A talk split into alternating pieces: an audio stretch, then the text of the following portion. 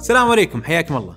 أنا ركان وهذا برنامج Future Tech اللي نراجع فيها الأفلام والمسلسلات ولكن من وجهة نظر تقنية.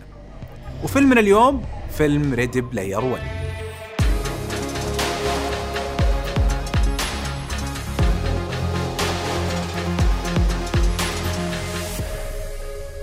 Ready Player 1 فيلم خيال علمي من إخراج المخرج المشهور ستيفن سبيلبرغ. وتدور أحداث هذا الفيلم في المستقبل البعيد في سنة 2045 وفي ذاك الوقت الناس صاروا مدمنين بشكل كبير للواقع الافتراضي. وبالتحديد على عالم سموه The Oasis وبكل بساطة The Oasis واقع افتراضي مشترك. تقدر تبني فيه شخصيتك وتعيش حياة كاملة مع الناس اللي حولك ومختلفة عن حياتك الحقيقية. هل التقنيات المستخدمة في هذا الفيلم راح تكون واقع بعد 20 سنة؟ بيساعدني على الإجابة على هذا السؤال المتخصص بالواقع الافتراضي فارس الشهري. وخلونا نبدأ بأوضح شيء حجم النظارات. نظارات العالم الافتراضي المصورة بالفيلم خفيفة وصغيرة جدا.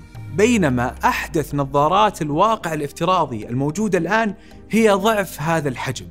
هل ممكن نوصل لهذا التصور بعد 20 سنة؟ بالتأكيد يعني التقنية خلينا نقول لو لو تنظر يعني مثلا لبداية مثلا 2000 و 15 2016 نوع الخوذات اللي كانت آه، تصنع في هذاك الوقت مختلفة تماما عن المطروحة في السوق الآن. المطروحة في السوق الآن تلاقي تلاقيها يعني أقل وزن تلاقيها مريحة أكثر للاستخدام تعطي مثلا خلينا نقول آه، دقة أعلى في عرض الصور.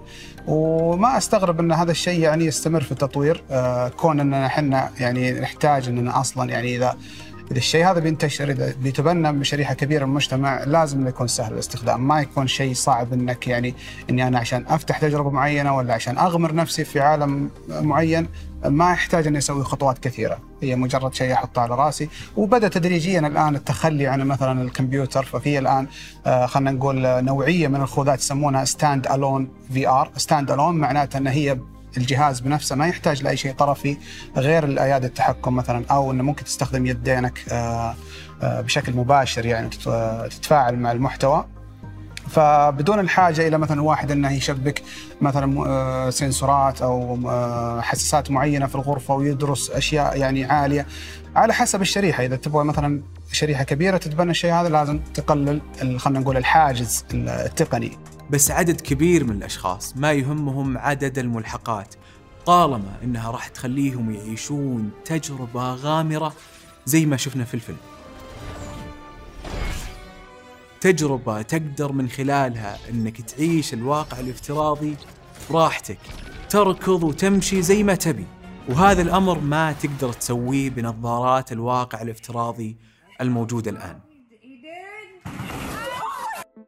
بطل الفيلم ويد يتجنب إنه يصدم بجدار لأنه يتحرك على سير يسمح له إنه يركض بمكانه.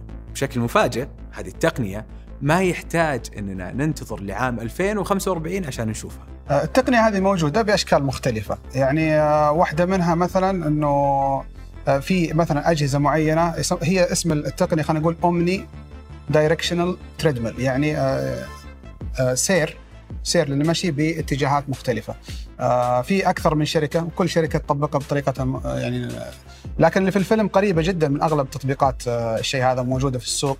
بس أغلب اللي يشترون الشيء هذا غالبا ما يكون مستخدم عادي يكون مستخدم متحمس جدا من الناس اللي يحبون تبني التقنيات. يكون الأول في تبني التقنيات هذه آه، ممكن تكون شركات للبحث ممكن تكون شركات ترفيهية. فتقريبا نفس اللي في الفيلم. اللهم إنه بدل ما خلينا نقول السير أو التريدميل تحت الشخص يتحرك اللي موجود حاليا هو زي خلينا نقول لو تخيل دائرة مقصوصة بالنص. يعني آه، ملسه وإن الشخص يلبس آه، حذاء بمواصفات معينة بحيث إنه ما يكون في احتكاك عالي فيقدر يمشي براحته وفي نفس الوقت يكون في زي الحزام آه، يحافظ على مثلا آه، وقوف المستخدم بحيث إنه ما مثلا يمشي ويطيح أو شيء زي كذا. وهذه المدخلات يتم آه، يعني توجيهها للمحتوى نفسه بحيث إنه لو مشى خطوة في الواقع الافتراضي يمشي خطوة، لو مثلا لف يمين مشى على جنب على قدام يأخذون هذه المدخلات ودخلون. فهذا شيء موجود، هل هو بحيز بح- خلينا نقول بسعر رخيص أو متاح يعني للجميع؟ آه لسه ما هو شيء يعني خلينا نقول آه منتشر يعني حاليا. لكنه موجود. ونفس الكلام ينطبق على البدلة الخاصة اللي يلبسها البطل في الفيلم وتخليه يحس ويمسك الأشياء. هذه التقنية موجودة الآن واسمها هابتكس. مثلا الشركات الهابتكس مثلا آه، عندهم منتج آه، زي القفازات يلبسها المستخدم ويقدر يتفاعل مع محتوى الرقمي. طبعا عندنا المحتوى الافتراضي يكون غالبا في محرك ألعاب. ومحرك ألعاب فيه الخصائص الفيزيائية مثل قديش الشيء مثلا قاسي أو قابل للعفط الفيدباك نفسه مثلا إذا أنت شلت مثلا شيء ثقيل غالبا القفازات سواء من الشركة هذه أو من أي شركة ثانية يكون فيه خلينا نقول آه، رقم معين يقدرون يوصلون الإحساس. يقول لك والله إحنا نقدر نوصل لك القفازة هذه النسخه الفلانية 5 كيلو بس ما نقدر نحسك إنك أنت شلت شيء أثقل من 5 كيلو لأن الفيدباك أو خلينا نقول التقنية اللي تطوروها لها حد معين. لكن تقدر توصل شعور آه، غامر خلينا نقول أكثر من الأوزان نفسها اللي هي مثلا لما مثلا واحد يحط يده ويحس بمطر مثلا. الأشياء سقوط الأشياء الصغيرة مثلا على جسم الإنسان. في أشياء ثانية مثل الحرارة آه، شيء بارد حار. آه، والتطبيقات هذه كمان ليست محصورة على القفازات بل أيضا في سترات معينة يتم لبسها للاحساس مثلا بطلقة معينة أو بالإحساس ب آه، كان في شركة والله ناسي اسمها كان عندهم ديمو إنه يعني أنت توقف قدام ديناصور والديناصور يفتح فمه ويصايح. فالموجات الصوتية اللي افتراضيا إن هذا ديناصور تجي على جسمك وتحس فعلا إنه في شيء يعني ضخم قاعد يهزك. مثل ما لما تسمع شيء بسماعات عالية تجيك الموجات القوية هذه يتم مثلا نقلها من خلال هذه السترة. بجانب استخدام الواقع الافتراضي للألعاب، الفيلم يصور ذا أويسز على أنه مكان اجتماعي. يسمح لك تقابل أصدقائك أو حتى تتعرف على أشخاص جدد. وهذا الاستخدام للواقع الافتراضي موجود اليوم في منصات كثيرة. هدفها أنها تعطيك تجربة تواصل اجتماعي. على سبيل المثال منصة بي آر شات اللي فيها ملايين المستخدمين. في المنصات الموجودة الآن تقدر تتحرك وتتكلم بشخصيتك ولكن الشخصية ما تحاكي كل تحركاتك خصوصا حركات وجهك. وهذا الأمر اللي صعب عملية التواصل الاجتماعي. وهذه المشكلة ما كانت موجودة في الفيلم. فهل يوجد تقنية اليوم تحل هذه المشكلة؟ اسمها ال eye tracking أه تتبع العيون. كان في حساسات داخل النظارة. تتبع أنت. وين قاعد طالع هل أنت ترفع حواجبك؟ أه أه غمضت عينك. كم مرة رمشت؟ أه فين المنطقة اللي أنت قاعد طالع فيها؟ آه بالاضافه إلى السنة حاليا في أكثر من شركة آه آه أتوقع Oculus و Valve Valve بدأوا الآن يطلعون آه، زي الوصلة آه، تشبكها في الواقع الافتراضي آه، فيها كاميرات معينة تشوف وجهك هل أنت مبتسم هل أنت مثلا إيش نوع التعابير فالآن صار عندك مستويين تعبير داخل النظارة من خلال عيونك والمساحه المحيطة المساحة اللي داخل النظارة. وتعبير خارجية من القسم السفلي من الوجه آه، يتم دمجه ومثلا تحريك المحتوى افتراضيا لعكس المشاعر حقتك. بعضها تكون تنبؤ وبعضها تكون دقيقة يعني على حسب المدخلات يعني. ففي أكثر من منصة يعني على الواقع الافتراضي تجمع الناس سواء مثلا آه، يكون في مؤتمرات معينة أشياء تعليمية أو أشياء ترفيهية. ممكن مثلا تكون أنت بجانب مثلا صاحبك كل واحد لابس في ار وأنتم في غرفة مثلا شكلها كانها سينما وعندكم شاشة تتفرجون على مثلا آه، آه، حلقة معينة أو فيلم معين. ممكن تلعبون ألعاب ورقية ممكن تلعبون مثلا تنس. هذه الأشياء موجودة الآن في منصات يعني تقدر يعني توصلك لهذا المستوى. بس هل أنت شكلك في هذا العالم يعكس شكلك الواقعي الآن؟ هذا هو هنا المحك يعني. في الفيلم يعني نوعا ما خلينا نقول آه تقدر تسوي شخصيتك واقعية في تطبيقات حاليا مهي بمستوى الدقة يعني هذه؟ تكون يعني شخصيات اي شخصيات بسيطة يعني آه ال graphics يعني حقتها بسيطة. Do you know the way? نفس موضوع الملامح والحركة والأشياء هذه تكون يعني أقل يعني دقة من الموجود في الفيلم. طبعا الفيلم مليان أشياء كثيرة غير دقيقة. من بينها إنه الناس تركض بنظاراتها بالشارع بدون لا تصدم بعض وبدون لا تصدم بالجدران، كذلك في لقطات كثيرة لأشخاص ينطون ويسبحون بدون وجود للجاذبية، على الرغم من إنه لا يوجد حلول للحركة العمودية حتى الآن.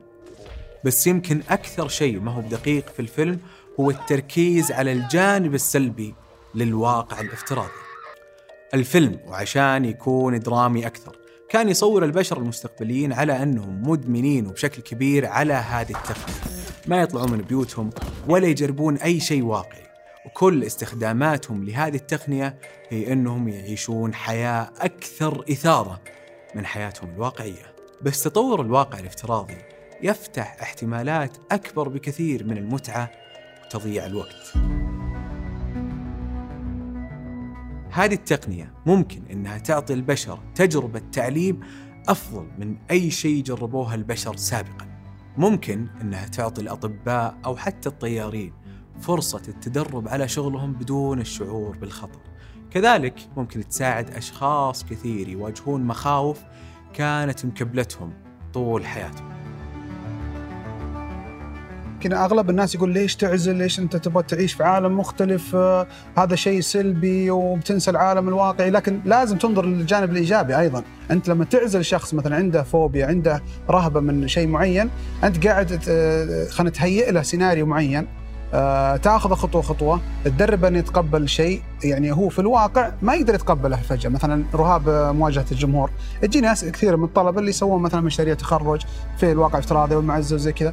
فكان في مجموعة طلبة كانوا شغالين على نفس هذا الموضوع بالتحديد إنه يبغون يقيسون موضوع التأتأة ومواجهة الجمهور وجربوا الدراسة على أكثر من آه، يعني آه، ناس. ففعلا لها جدوى هم ما بدأوا ولا كان في مثلا توجيه من الدكتور عنده في الجامعة إلا لأنه فيه سبب معين إنه هذا يعالج موضوع الرهبة سواء كانت مواجهة الجمهور سواء كانت آه، مثل ما ذكرت العناكب المرتفعات الأشياء هذه لما تأخذها تدريجيا تتقبلها تدريجيا يبدأ خلينا نقول ما يعني يروح فجأة منك العامل الرهبة لكن تدريجيا يتم مثلا معالجة الشيء هذا. زي ما تشوفون موضوع الخيال العلمي ابدا مو بسهل. ممكن نعتقد انه الروبوت بيحكم العالم قريب، ولكن العلم يقول إنه هذا الأمر يحتاج وقت. هذه كانت حلقتنا، لا تنسون تشتركون بالقناة وتشاركونا مقترحاتكم تحت بخانة التعليقات. كان معكم راكان ونشوفكم في الحلقة الجاية أو في ذا أويسس